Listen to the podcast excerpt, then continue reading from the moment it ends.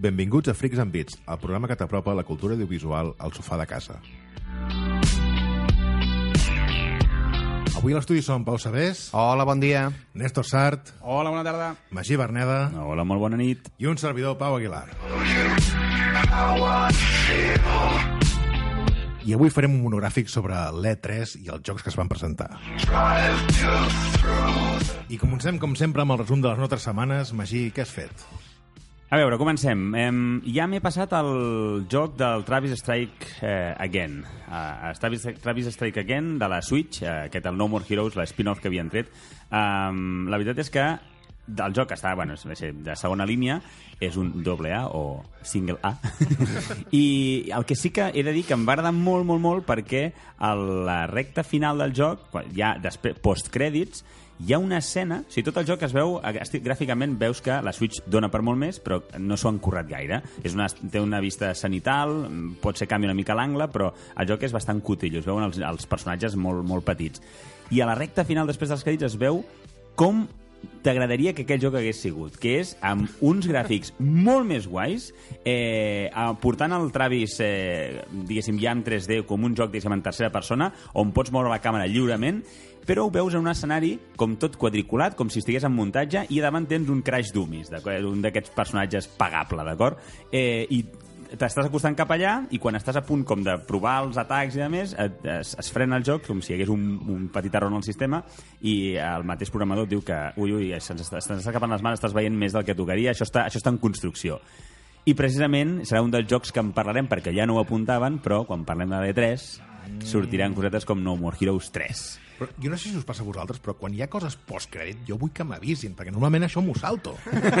Sí, estaria Que- bé. clar. Sí, sí, això amb les pel·lícules Marvel segur que molta gent al principi segur que s'ha perdut moltes escenes Clar, post-crèdit. Jo en aquest, en aquest punt li agraeixo al Pau que a Infinity, eh, no, a Endgame, Endgame, en, no? ens avisés de que no hi havia títols. Sí, per perquè jo- perquè jo tenia tota la intenció de tragar-me tots els títols. i Sí, sí, perquè jo la primera vegada me'ls vaig empassar. No? Va ser com un... Vale. Aba- abans encara, però és que avui en dia quanta gent hi ha en una pel·lícula? 400 persones o 500? Vull dir, no s'acaba mai els Ja, títols ja. de crèdit. Però perquè tens tots els tios que han estat picant per fer el CGI allà darrere. Sí, sí, sí. Però això igualment, perdona, eh, fent aquest parèntesis del, del, del Endgame, és indignant que, sent un- una senya d'identitat de Marvel, que la- a l'última pel·lícula que tanca tota la història, aquí no hi ha res. Perquè se suposa que ja, ja no hi ha res més, cap eh, guinyo ni res que fer de, cap al futur. Ja. Ja, té, té cert sentit. Val, eh, I un cop acabat aquest joc, eh, la Switch em demanava alguna cosa més. Així que vaig descarregar-me el, el joc Celeste. Aquest va ser un dels, eh, dels jocs indis més eh, ben valorats de l'any passat eh, i realment té un estil, és un joc així pixel art, 2D, en 2D a on portes a una noia eh, a i l'objectiu és escalar una muntanya. Eh, diuen que el joc en si hi ha un missatge profund i no sé si gairebé filosòfic, però de moment no, no el sé. Eh, el que sí que sé és que és un joc on és molt fàcil també morir. Segueixo amb aquesta dinàmica de... diuen que és un joc força complicat, però alhora és molt addictiu, és molt fàcil, és com fàcil de jugar, però et proposen reptes, i ara de moment estic al principi i sí que m'ho vaig fent bastant bé. Molt, molt xulo, molt engrescador. Uh, I pel que fa a sèries, eh, he vist el quart capítol de la sèrie The Handmaid's Tale, eh, segueix està apuntant a, a, a, maneres altíssimes i el primer capítol de la segona temporada de Big Little Lies eh, amb, aquesta vegada amb Meryl Streep com a personatge així principal que Diuen, diuen que està important. molt bé, o sigui que, està, que la, era molt difícil mantenir la sèrie després d'acabar la primera temporada perquè passa alguna que és el que aguanta l'argument de tota la primera temporada, que després d'això... Mm, no, penses com pot seguir I diuen que ho estan mantenint bastant A veure, potent, no? només hi ha un únic capítol a hores d'ara, però la veritat és que sí. El, a més, el personatge de Streep té molt, molt sentit i, eh, és, i et posa aquesta ai al cor permanent, no? És una sèrie que la veritat és que està molt bé. Una histò històries intrincades de, de la vida de... O sigui, que són una colla de cinc dones i, i bueno, que, que passa una situació, eh, una vida social molt alta, però que hi ha alguna cosa truculenta. Això es passa en la primera temporada i en aquesta seguim amb la Jo, història. jo l'he vist mig saltejada perquè la, la dona sí que se l'ha vist, allò se l'ha devorat i jo, pues, quan l'he anat, anat, anat veient doncs he anat enganxant trossos. Enganxant cosetes, no? Això- al final. Això és HBO, és això? És, eh, HBO, Sí, correcte. I res més per part meva. Molt bé, Néstor, la teva setmana? Doncs eh, jo començaré amb un documental que Bé. és eh, de Camí a l'Everest de Kilian Jornet. Vinga. Uh. És només ja per estar cansat des del sofà. No, però és de... Però aquest, de... aquest, aquest tio és una màquina imparable, vull dir. Sí, sí. que- Bueno, va, de cor- va penjar un vídeo l'altre dia per, in- per Twitter que era mi camino favorito i el tio està corrent al costat d'un barranc. Per una cornisa. La, com m'agrada tornar per casa, a casa per aquí? Vull dir, està allà amb una, amb, amb una cornisa, amb un penya-segat espectacular, corrent per allà, saltironejant com una cabreta. Sí, que, que el tio deu haver anat al poble al costat a recollir els pollastres a l'as, no? I ha dit, pues em desviaré, i pujaré aquí dalt a la muntanya i tornaré a baixar. La seva etapa de formació implica litres de marcromina.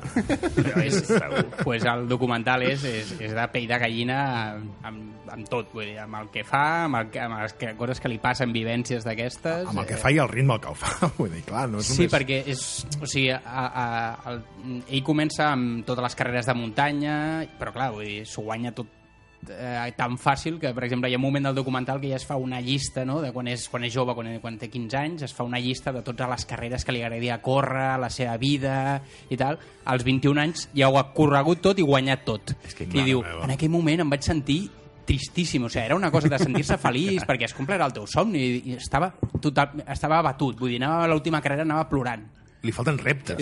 Sí, jo crec que al planeta Terra se li està quedant curt aquest home, no? I, i realment No, això, quan dius... Llavors, a més, molt divertit perquè, clar, quan acaba tot aquests temes de les carreres, es, es posa amb el tema aquest de, de l'Everest i el Summits of My Life, que, que ja ha fet tota una sèrie de, de, de llibres i de documentals i són uns reptes que es va marcant ells, no?, de tot de muntanyes molt altes, però clar, fa una perspectiva totalment diferent, sí que ja parlen d'altres altres eh, escaladors i alpinistes que han fet coses semblants, però clar, és un tio que, que la velocitat és un tema clau per ell, no? Llavors, tot ho fa, eh, o sigui, hi ha un moment en què estan una, fent una provatura d'aquestes de, de pujar a l'Everest i tal, i que triga com 12 hores a, a que algú sàpiga alguna d'ell.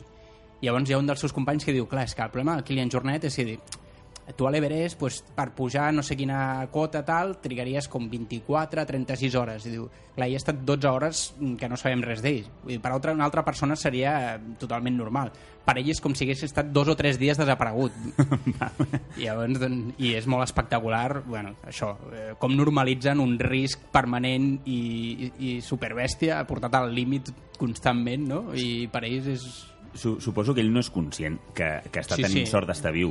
No, no, és, diu, diu, hi ha, No, no. També hi ha un, un, una frase que és molt bèstia del documental que diu hi ha un dia que, que has fet alguna cosa que és arriscada no? I, i quan arribes a casa penses hòstia, que guai el que he fet avui i tal i, diu, i a cap de dues penses soc subnormal, soc idiota vull dir, avui he estat a res de palmar-la perquè està, hi ha un moment que està enganxat amb dos piulets i li està caient una llau per sobre i el tio allà aguantant el xaparrot enganxat amb els dos de xonsis i a la càmera de vídeo com li va caient neu per sobre i tal, enganxat en una cornisa de, de gel Mare de i- Déu. i penses, ostres, s'ha d'estar un punt girat, tio, però és també una, espectacular. Kilian, escolta el nostre programa i fes cas al que diem aquí de... Posa't còmodament al sofà de casa. Escolta, i vine al programa aquí a comentar algunes coses. no? Vine aquí també.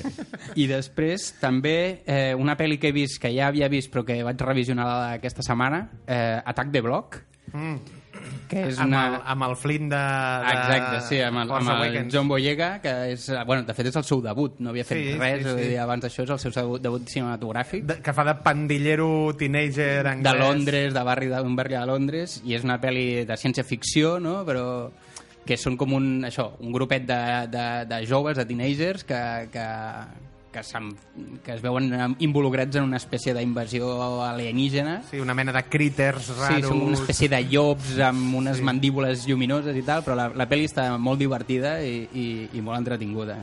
I, I per últim, vaig enganxar de refilón un capítol de Magnum, de la nova. Uh! Quin bodriac! Oh. D'entrada han agafat un, un, un catxites tipus Jersey Shore, li han fotut una camisa de flors... I, Bigoti? I, no, Sense bigoti? Sense bigoti. Ja no és Magnum. li han fotut el Ferrari i ti- tira cap endavant. Si n'ha agafat qualsevol pelacanyes que han trobat pel carrer, no? I a part Higgins és una dona, no em sembla? No sé, és tot una aberració eh, bastant, bastant infumable, sí, sí, la veritat. He estat consultat també i les notes són pèssimes. Ja està bé. Últimament sembla que està de moda això de cagar-se en els clàssics. Bueno, van treure MacGyver, van treure eh, Magnum, han estat Hawaii 5.0, vull Sí, dir, sí, això, van anar sí, intentant sí, fer revivals d'aquests de sèries i Una no ha llàstima, anat enlloc. Una llàstima, no? Jo crec que si fessin alguna cosa amb cara i ulls d'aquestes sèries que acabes de dir ara mateix... Bueno, dic, les han fet coses, però no amb cara i ulls, no? No, no, clar, és que el següent és ja acabar de, de triturar l'equipo A. I mira que a mi Oh. la pel·lícula Bueno, és el que dir, no em sí. desagrada. És visible, Sí, jo però no el és el mític equipo A. Jo, excepte el final, és una pel·li que m'agradava molt. El final és El- l'únic que no... el- el ah, thrillerisme sí, amb tot el els thrillerisme containers. dels containers i tota aquella nada d'olla, de pluja de containers, de, d'això, sí, allò és el que em va sobrar una mica. Però fins, a, fins al final, abans del final, m'estava agradant inclús la re, re, revisió dels personatges, no? els Sí. nous actors i tal. Ben Eh, triats, potser que el no? Murdoch és el que potser vaig trobar que flugejava més, però... perquè el fan molt més boig, i, però no boig tipus boig de, de, de manicomi, sinó boig d'amant de l'adrenalina, del risc. Sí. Sí, de- sí, bueno, no, sí, a veure... L'escena del seu- tanc és fantàstic. Sí, no, i, té, i té comentaris i coses gracioses, i... però, però, però és això. Dir, la pel·li jo trobo que està prou bé. I el, I el Liam Neeson i el Bradley Cooper com a Fènix i Fènix com a i com a Aníbal, sí. No està Jo crec que són els dos que millor ho fan. Sí. Sí, sí, sí. Però bueno, el Barracos també em va agradar. L'UFC Sí, aquest sí. així, que passa pel moment pacifista i hi, tal. hi eh, falta el toc en Obregón, no és? si ja estava magnificada Ana i los siete, falta l'equip Ana Obregón. Però bueno, la, la meva opinió. De pel·lícula d'Equipo A només n'hi ha una, oi? Hi ha aquesta. Va. Hi ha aquesta Liam Neeson, Bradley Cooper... I ja està. Sí, sí, sí, i punt.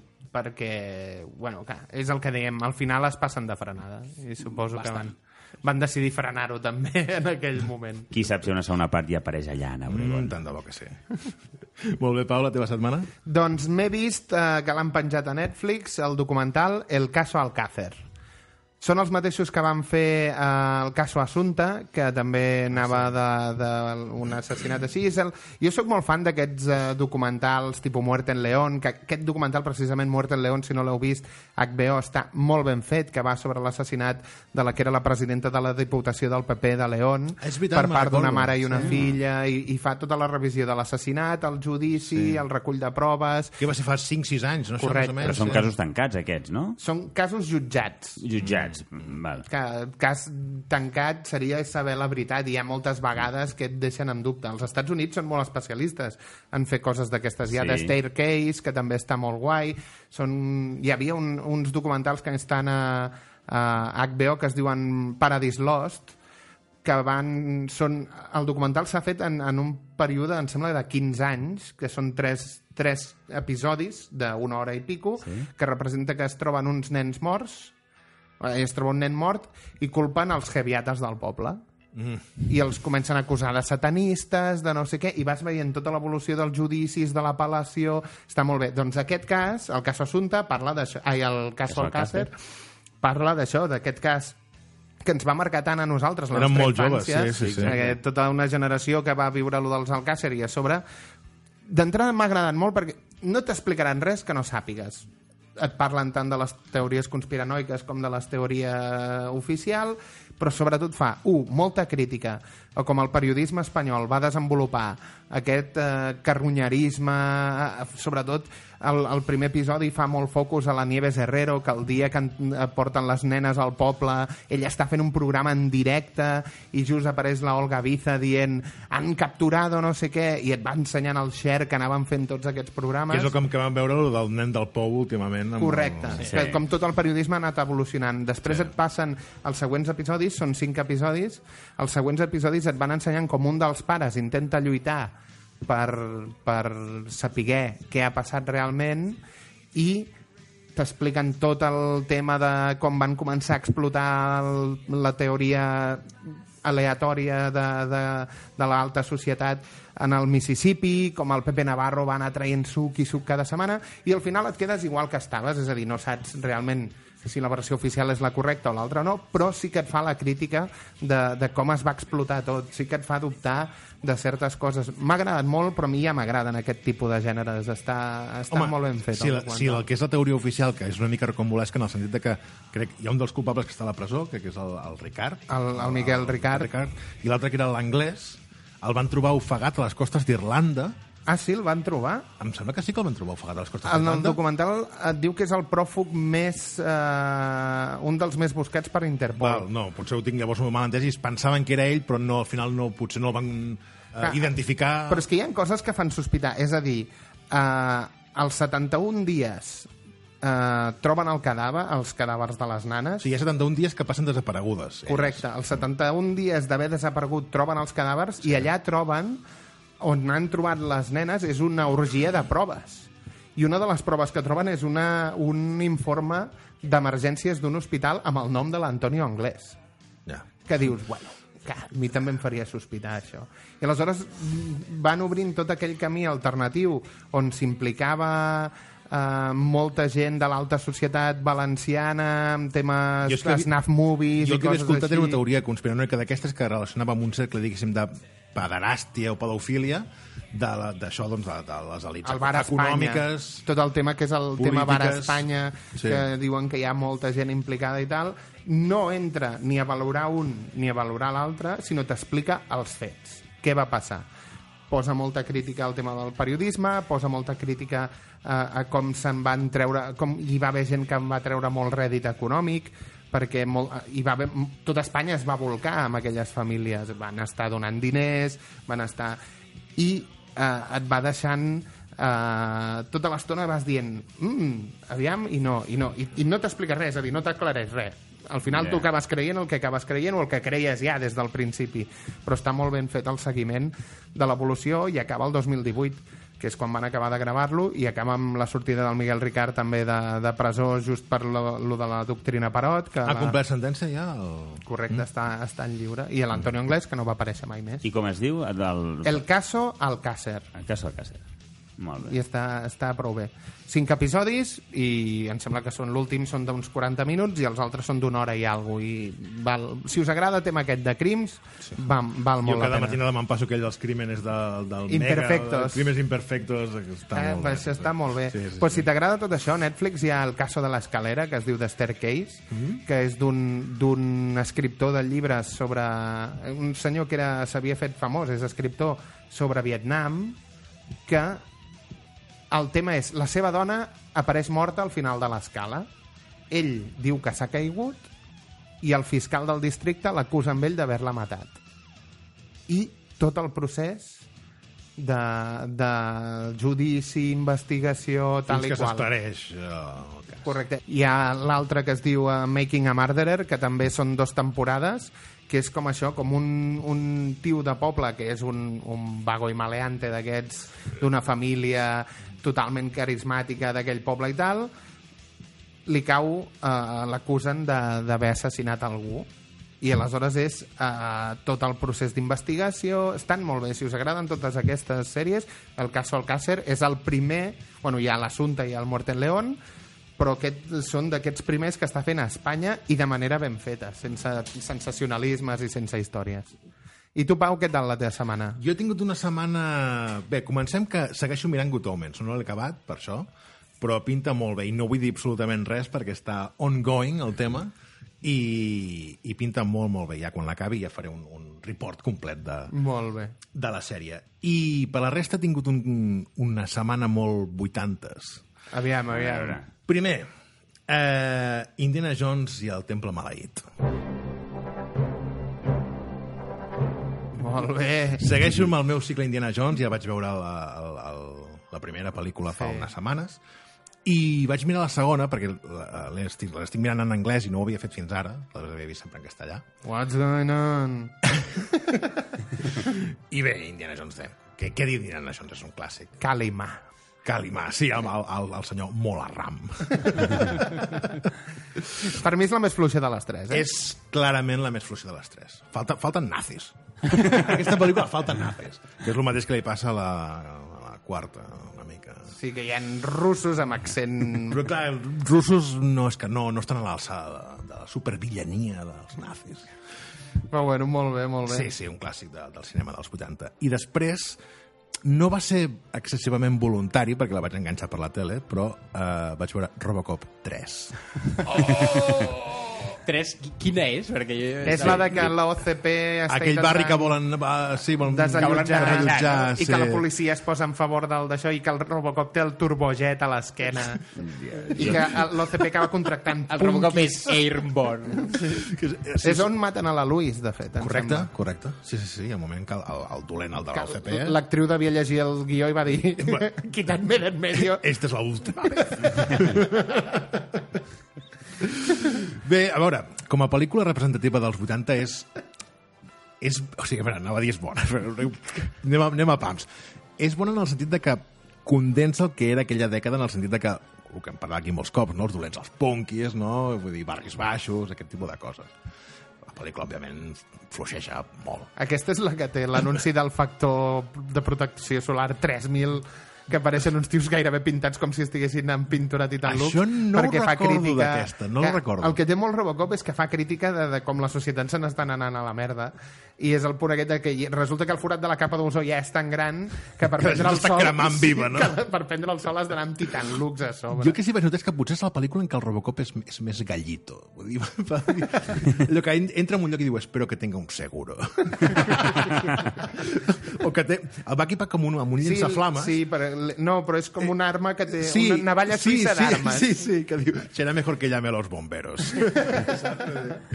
I és, a veure, és més divertida que no pas... eh, Ostres, jo, el que passa que com més passa el temps, més, més ridícul em sembla el Robocop. perquè Com a, més com, useless, com a concepte, no? Sí. Perquè, Perquè és, és lent. És lent, És molt lent. És, és, és, és, sí, sembla una tortuga. És que cau de bocatarrossa, tio, i ja, ja, no, ja quasi no es pot ni moure. A mi el que em feia, a mi el que em, em tenia molt, molt, molt, eh, diguem-ne, eh, em surt desquiciat, però no és desquiciat, és, eh, em obsessionava eren els peus.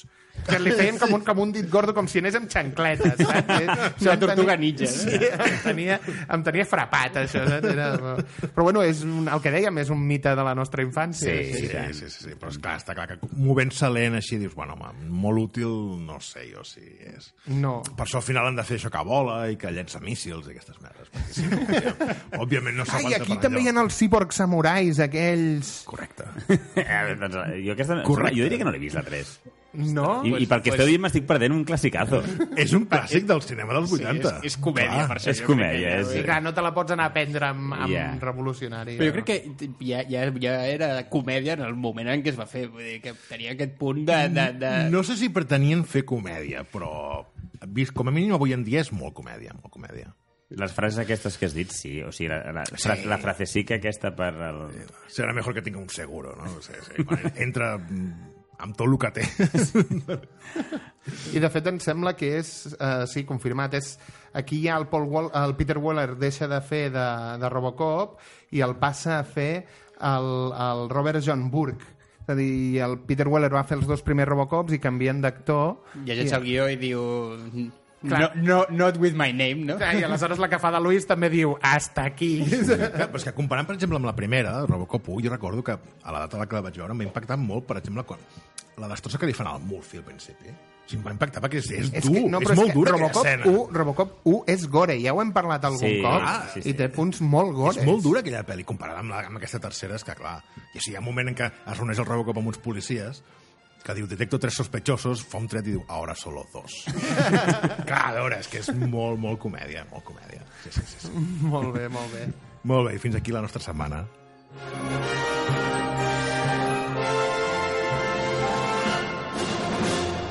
I ara unes notícies de cinema amb Pau Sabés. Bé, ja l'heu pogut veure tots. Ja hi ha tràiler de la segona part del Resplendor. Fa uns programes en vam parlar. Eh. Què us ha semblat? Vinga, Pau, desencadena el mal. Eh, a veure, no vull pontificar ni res d'això, però mm, segona No part del Resplendor... Al contrari, m'agrada molt el Resplendor, però precisament per això crec que s'ha d'anar amb peus de plom. Amb peus de plom, perquè segones parts... Que no, el que es pot veure en el tràiler és que ell torna a l'hotel. Sí. Té, té pinta que serà molt menys eh, terror psicològic d'aquest i serà molt més eh, terror clàssic. Actual, eh, sí. sí. És que jo crec que principalment que això de la primera pel·lícula és precisament el punt La fort. malla, Ja. sí, sí. I és el que fa que sigui una de les meves pel·lis de terror preferides. Que, que, que té aquest punt de que no són grans ensurts, no són mil No. monstres ni mil històries, vull dir, és una tensió Sí, perquè que, és- es va, que, que va increixendo i que dius... "Ul, ul, ul". Sí, és el que us deia, que recordeu que anirà sobre una secta i aquí ja comencem a veure aquesta gent d'aquesta secta que està com captant a, a gent que té el resplendor per utilitzar-lo i suposo que l'angoixa vindrà una miqueta d'aquesta gent perseguint-te i tal i qual. S'ha vist un tràiler, fins aquí el que podem saber. Jo només amb el trailer he de dir que sí que també em va agradar molt la primera, potser no tant com a tu, Pau, o com tu, Néstor, que esteu dient que us va marcar molt. Jo la vaig veure mm, de més grandet, eh, no em va fer especialment por, però vaig entendre tot, a, tot el, per, per, allò, per allò que se la, se la té considerar una pel·lícula, una gran pel·lícula de terror, però no vaig passar-ho malament, la vaig gaudir molt. Amb el trailer aquest he de dir que a mi em va posar una mica la pell de gallina, en el sentit que pot ser una cosa interessant. A veure, a veure, li tinc ganes. Jo crec que el que potser pot salvar la pel·lícula és que si centren en el tema aquest de, de l'habilitat del, del resplendor, crec que és potser el que queda menys explicat a la primera pel·lícula. Però també sí. és potser el que em fa més por, perquè et donaran una explicació que en l'altre quedava allò que no sabies ben bé. És una mica... Saps, Matri Matrix 1. Exacte, anava a dir això. Aquelles coses de dir... Quan es posen a explicar-t'ho bé és quan comences a dir... Uf, Espero que sigui una explicació no, canon. no, no. El llibre, el llibre, que jo me l'he llegit, t'ho explica molt millor, el resplendor, i t'explica molt millor la lluita que té el Jack Torrance interna, que aquí no es pot... Clar, no pots transmetre al cinema una dualitat interna perquè moltes vegades hauries de fer un monòleg entre la mateixa persona mirant-se cara a cara. Bueno, Gollum ho fa molt bé, això. Exacte, amb el Gollum ho fan, que és fantàstic com ho resolen.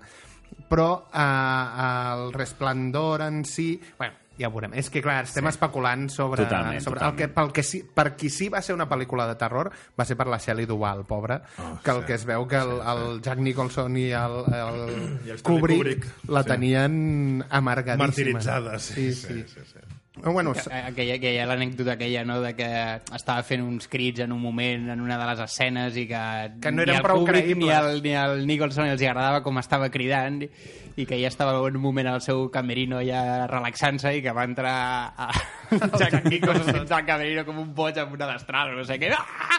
La tia es va fotre xisclar com una boja i va dir, així és com ho has de fer. Home, és que precisament al Kubrick el pitjor que li podia passar és que un dels actors vingués i, i li digués em sembla que no està prou ben gravat. Que el paio que ja era un perfeccionista de per si i ve algú altre que li diu no, ah, doncs mira, vale. I a regravar un altre cop. Segona notícia. Liam Hemsworth, eh, conegut, eh, conegut com el Match Hotter Dude de Los Juegos del Hambre, germà del Chris Hemsworth, del Thor, i marit, que comenci cuore, de la Miley Cyrus. Què, sí? Sí, sí, es van casar fa relativament poc.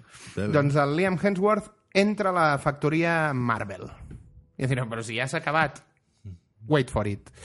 A que estan a punt de fitxar el John Krasinski i l'Emily Blunt, el, els dos actors de The Quiet Place, que ell sortia de Office i ella sortia al Filo del Mañana, que són marit i muller a la vida real. Quiet Place era el terror i sin sentidos. Correcte. Una pel·li que heu de veure. Hem de veure, perquè heu de Pau li mola molt i nosaltres no l'hem vist. Doncs el Terror sin sentidos, el matrimoni Terror sin sentidos, els estan fitxant per fer de, Richard, eh, de Reed Richards i de Sue Storm, és a dir, dels quatre fantàstics. I estan buscant eh, qui seria l'antorxa humana i s'està eh, s'està rumorejant molt que podria ser el Liam Hemsworth per intentar reflotar de nou per tercera vegada la saga dels quatre fantàstics. Bueno, aquest, ja estat, aquest paio ja ha estat bastant a prop del tema de les flames, no? Amb això del Sí, de- sinsajo... Què més? Va, Tupido velo. Següent notícia. Sembla que hi haurà seqüela de Gladiator. No, per què fan això? Que serà Gladiator Zombie? espera, espera. És Gladiator Reloaded? Espera, espera. espera. És que era una trilogia inicialment, eh, Gladiator? Sí, sí. El tema està en que durant, durant molt de temps, clar, la pel·li va guanyar 5 Oscars, va ser una pel·li amb molt d'èxit, tot i les cagades que hi havia allà d'efectes especials, i el tio dels tejanos, i l'altre del rellotge, però eh, va ser una pel·li on durant molts anys han estat, han estat intentant aprofitar el nostre amic filón de pasta. I ho han estat intentant. Hi va haver un moment en què el Nick Cave, l'actor i cantant Nick Cave, havia fet eh, un guió en el que, atenció, el Màximo era ressuscitat pels déus de Roma i lluitava durant diverses guerres de la història. I això al Russell Crowe li va semblar fins i tot bé. Ser- Russell Crowe ja fa molt temps que, sí, que ha perdut el criteri. Fer un gladiator amb el Russell Crowe és com fer un Indiana Jones ara amb el, amb el Harrison Ford. O sigui, No, no, no té sentit. A més, a més el Russell Crowe està bastant fondo. Sí, sí, està bastant deixat anar. Tot i així, tot i així no, no tiraran per aquest camí i pel que es veu, Ridley Scott ha confirmat la seva presència amb el guió de, del Peter Craig i eh, es basarà, pel que sembla, en la vida de Lucius, el que era el nebot del Còmodo, que està totalment ensimismat amb el, amb el Gladiator, el que és que durant tota la pel·li et fan entendre que no podria ser potser fill del Màximo i tal, que és el, el nano aquell, doncs pel que es veu serà a posteriori, que es basarà una mica en la, en la vida del Lucius. És el que se sap fins ara, però que Ridley Scott està al darrere, Peter Craig farà el guió. O sigui que de Gladiator conserva el nom purament, vull dir, perquè... Sí, i els personatges. Bueno, sí, sí, eh, això, que el Lucius estava en la primera història i ja estarà a la I la- i l'est- l'estètica. Eh? Bé, bé, bé. I fins aquí les notícies de cinema. I ara unes de sèries amb Pau Sabés. A veure. Hola de nou, què tal? Bones! Feia temps que no Ei, parlava. Pau, com va? Dues coses. Netflix aposta molt fort per les sèries animades i en tenen dues en el que estan allà que s'estrenaran de cara a l'any que ve. Primera, Eden. Aquesta t'agradarà a tu, Magí, gairebé segur. Vinga, ven- El- ven-me-la. El tema és, eh, donat l'èxit de Love, Red, Love, Death and Robots, eh, estan tirant una miqueta cap a aquesta ciència-ficció anime i eh, la dirigirà el Yasuhiro Ire, que és eh, el director de Full Metal Alchemist Brotherhood, i que l'anime parlarà d'un futur en el que els humans s'han extingit i els robots estan dominant el planeta, però perquè els humans s'han mort, fins al punt que fins i tot hi ha alguns robots que dubten de que els humans han, exi- hagin existit mai i tal, i una parella de robots grangers descobreixen una càpsula on hi ha una criatura humana, una nena, i es dediquen a protegir-la i amagar-la de la resta de robots fins que sigui eh, major d'edat. És una mica Monstruos S.A., però en sèrio i fosc. Mm. Aquest és el, les notícies que diuen que d'això i que arribarà al 2020.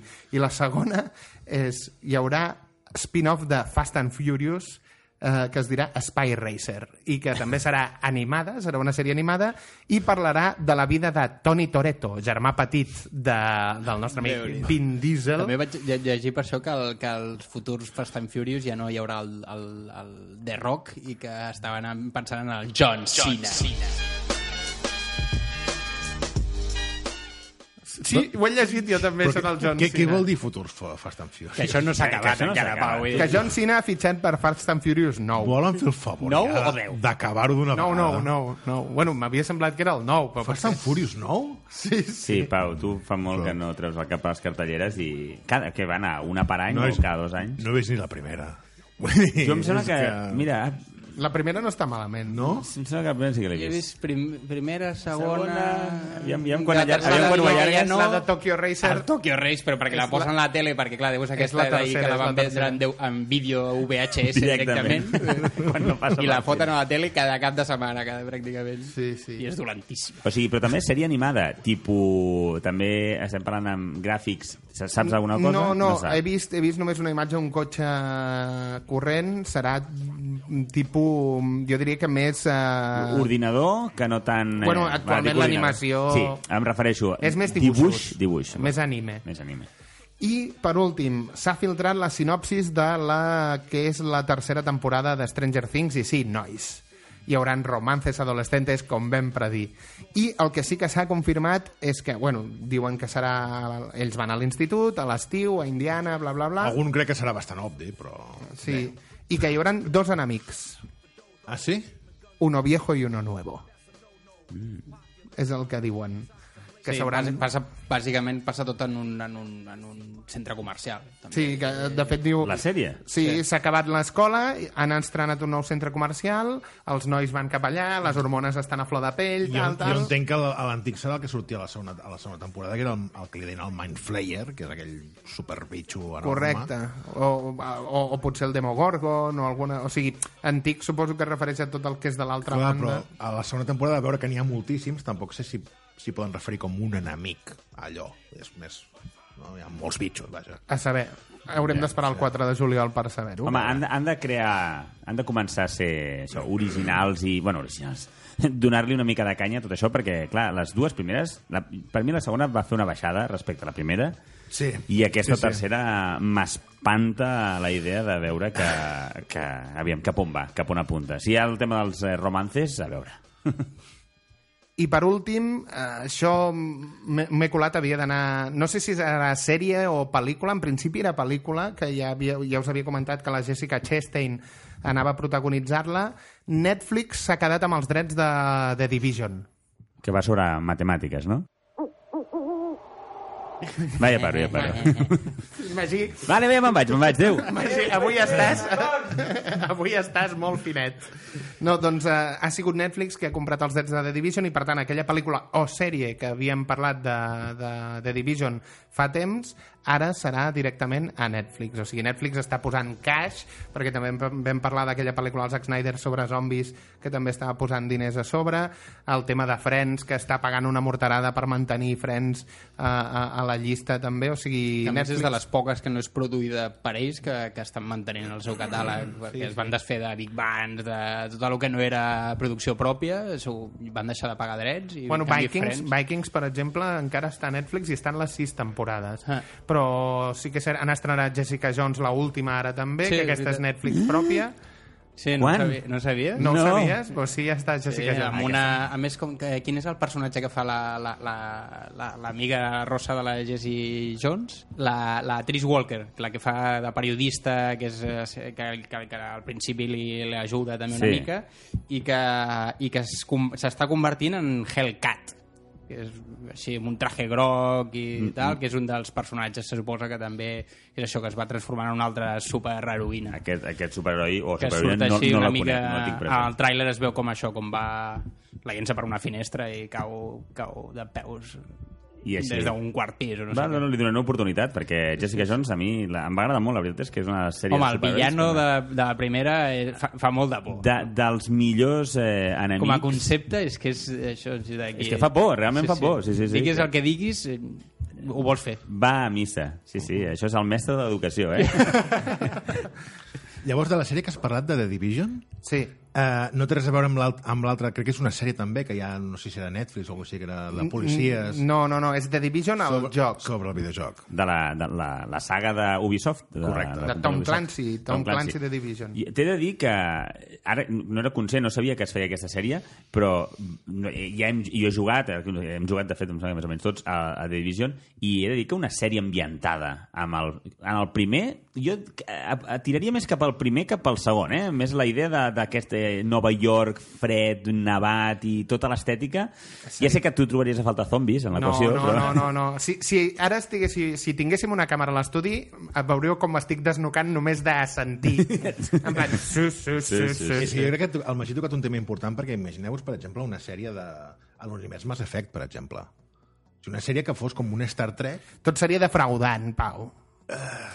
És que sé que... però es podria, Tenim- fer, es podria fer molt bé. A mi, Tenim el llistó tan alt... No, però el amb, el tant amb intrigues polítiques com amb després amb, com, conflictes amb altres pues mira't, planetes. mira't uh, alt, uh, ai, Altered Carbon, uh, Expansion. És una sèrie que està, no sé si a Netflix o a, o a Amazon Prime, que representa que Mars, o sigui, Mart és una colònia de la Terra i tal i qual, que s'estan mig independitzant, i és una, de, té tota aquesta Com intriga... total. crec que la vas comentar, no? Sí, sí, té tota aquesta intriga política i tal. Sí, d'això, sense un comandant Shepard. Jo t'he de dir, Pau, que teniu un molt bon record de la saga Mass Effect perquè podíeu fer el que us donés la gana. Una sèrie que t'estan portant per on ells volen no, no la compraries tan fàcilment. Però és que jo crec que el- l'univers Mass Effect ja és molt bo, amb la qual a veure, si tens Va. guionistes competents i... Sí, sí, però no l'univers de Mass Effect és molt bo i Mass Effect Andromeda, que és de l'univers Mass Effect, és molt dolent. Saps? Vull dir, no, que, sigui, És cert. que, tot el, que tot el background sigui bo, No, o que no. tot el terreny de cultiu sigui bo, I no sense, implica que hagin sense de treure... O Illusive Man... eh, No és garantia d'èxit, però és una bona base sobre la que construir alguna cosa que valgui la pena. Tens, sí, sí, tens un lore allà, un, un munt Clar, de- clar. un munt d'informació, un món creat, que és espectacular. Sí. Realment sí, estic, amb això estic d'acord, però que no seria el que tu vols, em sembla. És que sempre, sempre voldries more. More. Sempre més. Home, podríem, podríem començar amb, com, amb la moda aquesta de les sèries una mica interactives, no? que poguessis també escollir... Eh, En fer com de- el teu Shepard també, no? d'anar escollint... En comptes el- de dues respostes, no? Un arbre de quatre, cinc... les quatre que hi ha en el joc, clar, sí, sí. I que una impliqués poder bufetejar la periodista quan em fa la pregunta, no? Bofetada en la cara. Que jo ho havia fet una vegada i em veu mirar tots molt malament. la bufetada És a que, a més a més, et guarda rancor durant la resta de la saga. Sí, recordo- Bueno, home, vull dir, llo- lògic. Vull Home, dir, sí, no, no, lògic. no em sembla que estigui fora de lloc, tampoc.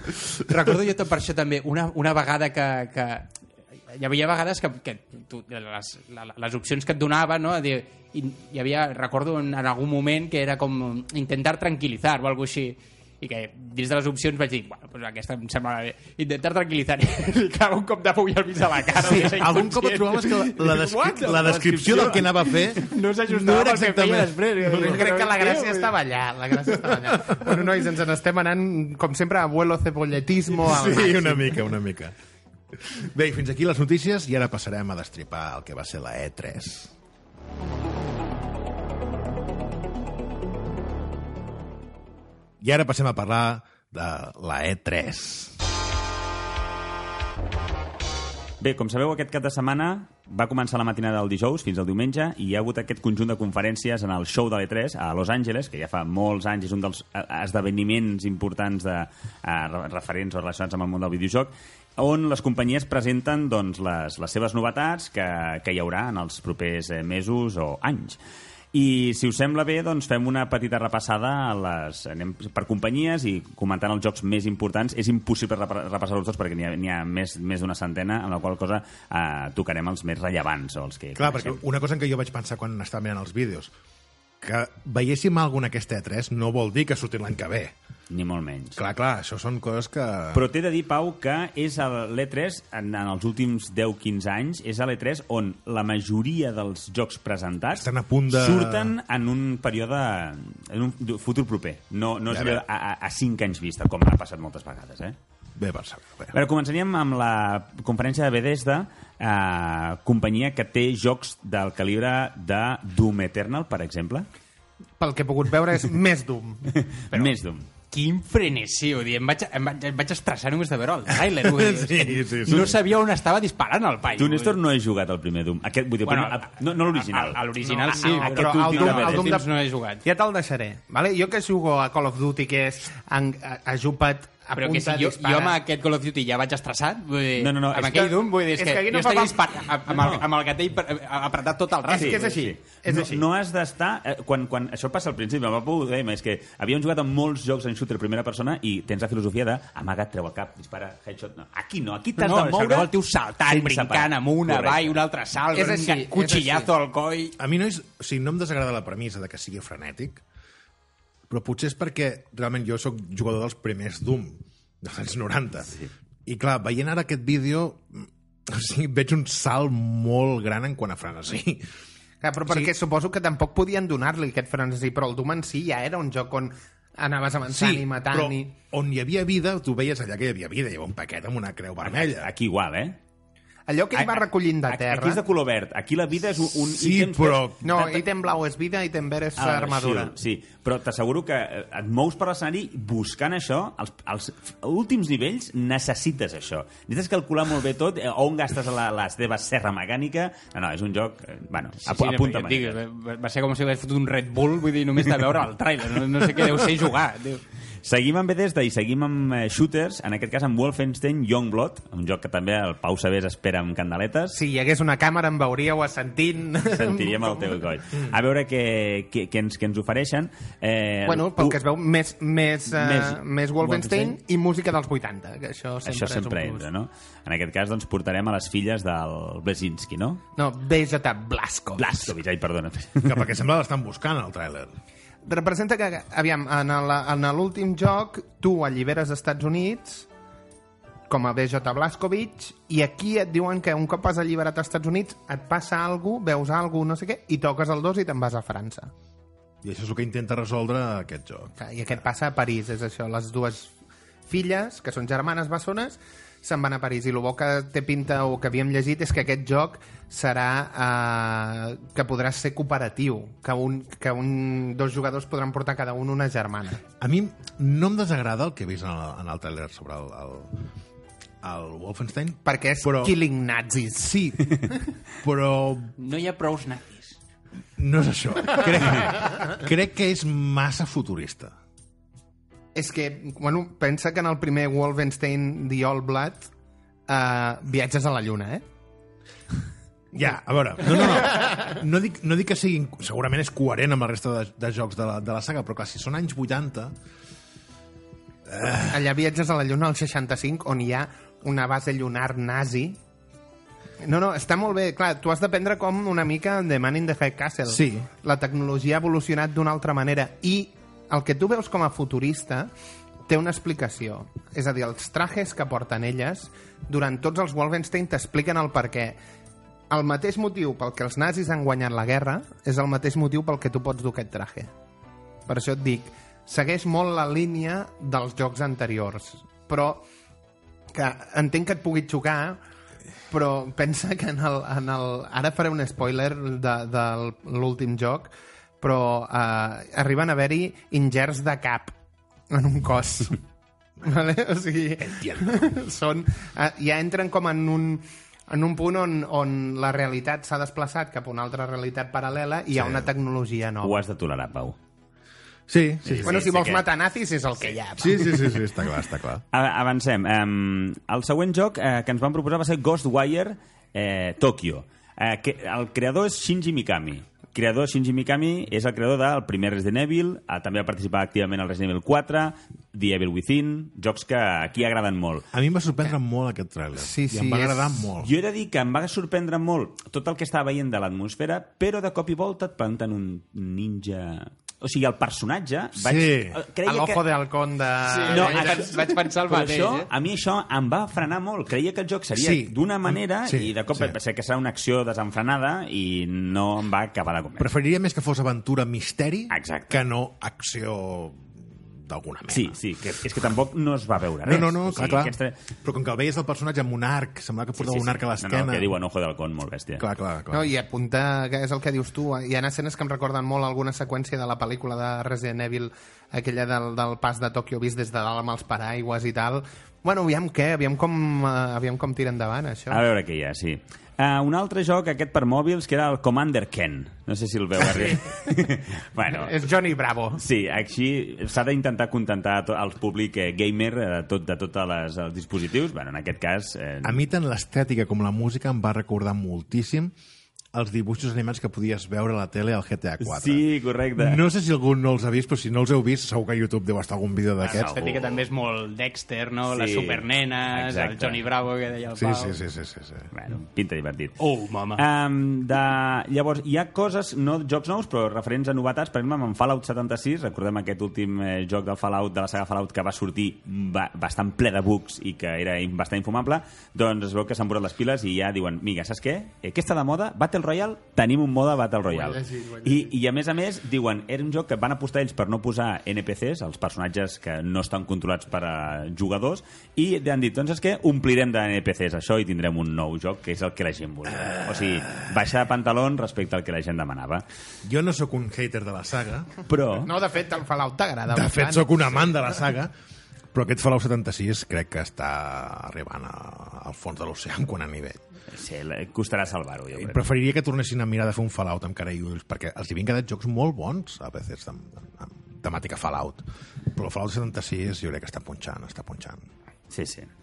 Més coses de, eh, referents a DLCs i de més. Eh, expansió pel Rage 2, eh, la segona part de, del joc Rage, que va sortir fa poc, que també s'esperava molt amb el que s'anava veient, però ha acabat sent un 65 a Metacritic, que pot ser que algú agradi molt, ja sé que això queda potser Sí. massa fred, però ja m'enteneu. Que no és tampoc crítica... allò molt, molt baix. Sent Metacritic, dius, bueno, pot Joc sortir correcte. Correcte. Algo acceptable, sí. Doncs han apuntat a això, han presentat una nova, una nova expansió, Rise of the Ghost, eh, i també tenim una altra expansió per The Elder Scroll, eh, Scroll Online, eh, que es diu Else, Elsewhere. Aquest joc, dracs... Eh, Primer, primera part és boníssima, Magí, és Elder Scrolls, fantàstic. Ja està. Online, Online, fuck. No, no. Clar, és, eh, bueno, entrem en el que és la dinàmica, dinàmica tipus uh, uh, World of Warcraft, no? Uh, bueno, a, a, a mi personalment no em tira gaire, prefereixo realment un joc com l'Skyrim que no pas un, un Massive Online multiplayer d'aquests. sens dubte. Sens dubte. Però bé. Passem a Ubisoft. Eh, aquí ens van presentar jocs com Watch Dogs Legion. Oh, Aquest, el Pau, en el xat, en el xat privat que tenim, eh, ja va dir que ell fe, portar una àvia, una persona de tercera edat, a on... digueu-me que l'heu vist, sisplau. Aquest L'hem vist, l'hem vist, aquest vist? gameplay. Per favor. bueno, de fet, aquest... Un pa- exèrcit d'àvies. parlava, parlava fa un moment del, de la idea aquesta dels NPCs, dels personatges que eh, estan a l'escenari que no, no porta cap jugador, eh, i en aquest joc han apostat a, perquè tu puguis arribar a fer missions amb cadascun, que deixen de ser NPCs, però bueno, eh, eh, però pots portar, cadascú d'aquests tindrà lligades certes missions. Que algú que semblava un NPC d'entrada esdevingui un un personatge. personatge controlable, amb les seves històries, amb les seves bueno, amb la idea aquesta de la Legion, doncs entenc que hi haurà un, un grup de rebels, no?, amb aquesta situació eh, a, a Londres, eh, on hi ha un control molt bèstia. Bueno, pinta bé, la veritat és que jo no he jugat a cap... El primer va ser un bajón molt fort, perquè el van presentar, recordeu, que va ser el primer gran eh, downgrade important amb el primer Watch Dogs. Va sortir el segon, que millorava certes coses, aviam què tal aquest tercer. Uh, un altre joc de- d'una altra saga, Ghost Recon Breakpoint. En aquest joc eh, seguirem a veure les novetats que ens aporten respecte al The Wildlands. Aquí el Pau Sabés el que Sí. és el mestre de- d'aquesta saga. Ja en vam parlar fa un en parell de parlar. setmanes i apunta... a- S'ha vist més gameplay, però bueno, apunta, apunta interessant. Apunta que m'hauré de de deixar els diners. Jo em vaig fixar que en els comentaris del, del tràiler de YouTube hi havia molta gent que deia que Uf, això pinta avorridíssim, tal... Però jo pel que vaig veure en el tràiler, jo trobo faltar un joc d'aquests ben fet.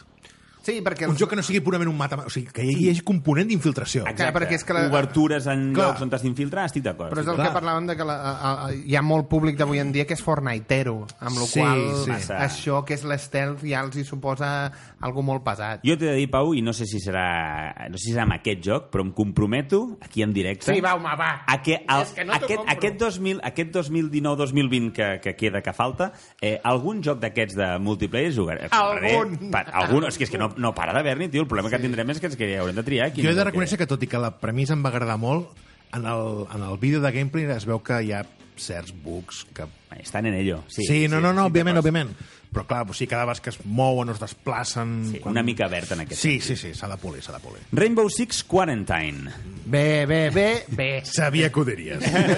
Aquí hem Sabia que ho comprat el diries. No, perquè quan, quan el Magí en el, en el xat de grup ens va passar tots els vídeos dels que parlaríem avui, va, el tràiler simplement se senten uns sorolls, veus un tio que està com ferit, que s'està com infectant d'algú. S'escolten sorolls zombíacs. Zombiex.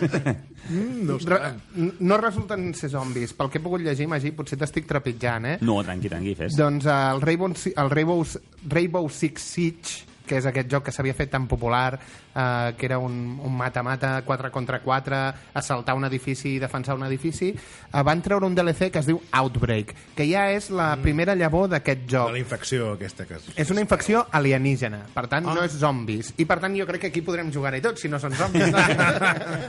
I el tema va de que el joc passa a ser un tots contra tots a un cooperatiu a tres. Tres jugadors contra una infecció amb un mode història molt més desenvolupat que no pas el que era el Rainbow Six Siege, que era simplement eh, atacar i defensar. I sí, punto. El tràiler, per això, No es veu res. cosa. Sí, bueno, apareixen dos érem- personatges del Rainbow Six Siege i ja Sí, està. és més teaser que... Sí. No, és una idea de joc. Um, torno un moment enrere en la següent en la companyia de Bethesda que ens havíem deixat un joc que era el Deathloop, que aquest també el teníem marcat com a interessant. No, no, té pinta de molt interessant. és una fusió entre uh, com Battle Royale, la pel·lícula, no el tipus de Sí. joc, uh, amb una mica de tema de time travel, o sigui, apunta molt guapo. Sí, sí. I a més té pinta com que pot, podràs fer d'una banda o de l'altra, no? O de l'altra, exacte, que vagin són canviant com rols. dos eh, personatges enfrontats, no? I, I que té pinta això, que podràs escollir un, un bàndol o l'altre per, per... I l'escenari em recorda molt precisament el Fallout, també, realment. Sí, I a mi em recorda més... Sí, em recorda també a, a la pel·li aquella que es diu Los cazadores de mentes, que els abandonen a una illa de proves per esbrinar un assassinat i tal, pues com això, com una illa, com que algú els ha posat allà perquè vol veure com es maten entre ells. I això també, aviam quina història Bueno, hi ha però al també darrere. tenen allò un que vol defensar el bucle, no?, adient, i l'altre que el vol trencar, i no sé què, Sí, no? S'haurà de veure, s'haurà de veure. Història pinta bé. Passem a Square Enix. Uh, aquí no em vull entretenir molt perquè tenim el Final Fantasy VII Remake. Només dir-vos que suposo que esteu d'acord que amb mi. ens has enviat dos vídeos del Final Fantasy. Sí, perquè, volia, perquè van presentar primer un primer vídeo on hi havia imatges, trailers així una mica boig, on es veu tot, però després hi ha un, un gameplay, El gameplay llarg m'ha excitat molt, eh? que és, que és molt xulo. Veus tota una lluita contra el primer Final Boss que et trobes amb el primer joc, però que dona... O sigui, és un nivell de tensió. Sembla un Final Boss de... O sigui, sembla el, el, el, El final, jefe final boss. Exacte. El, el típic eh, final, eh, jefe final de, de joc d'un joc. Però no, aquest és el primer. A veure què, diuen que... Recordeu que aquest joc sortirà a trossos. No, no, no sortirà el Final Fantasy VII sencer, sinó que diuen que el primer CD, el primer Blu-ray, serà la, tota l'etapa de Midgar, que segurament el que faran és ampliar-la. Però bueno, pinta molt i molt bé. Aquesta idea d'un joc de lluita eh, és un joc de rol, acció, però que a més a més podràs aturar el temps en certs moments o no utilitzar doncs, la certa estratègia per on gastar si pòssimes de curació, si els atacs, les invocacions, Certs que no s'ha vist res, però Jo aposto espero, que n'hi haurà segur, que hi haurà segur, invocacions, segur. perquè era una part, vaja, bàsica. I tant. anar-te- Vols una mica com combat per torns? Que pots No, aturar? no, no. No, han, han modificat aquesta idea de combat per torns amb aquest joc, diguéssim, un joc d'acció on, diguéssim, apretant el quadrat vas fotent castanyes, com si fos un hack and slash, però en, en carre- carregues una barra d'ATB, que és la, el, el que et permet aturar el temps, rotar la càmera per marcar enemics on llançar-los spells, eh, invocació, I també atacs pots anar màgics, saltant entre els personatges que té el teu equip. Els o sigui, controlar. tu estàs portant un, l'altre, com si diguéssim, va, va fent, Va sol, sí.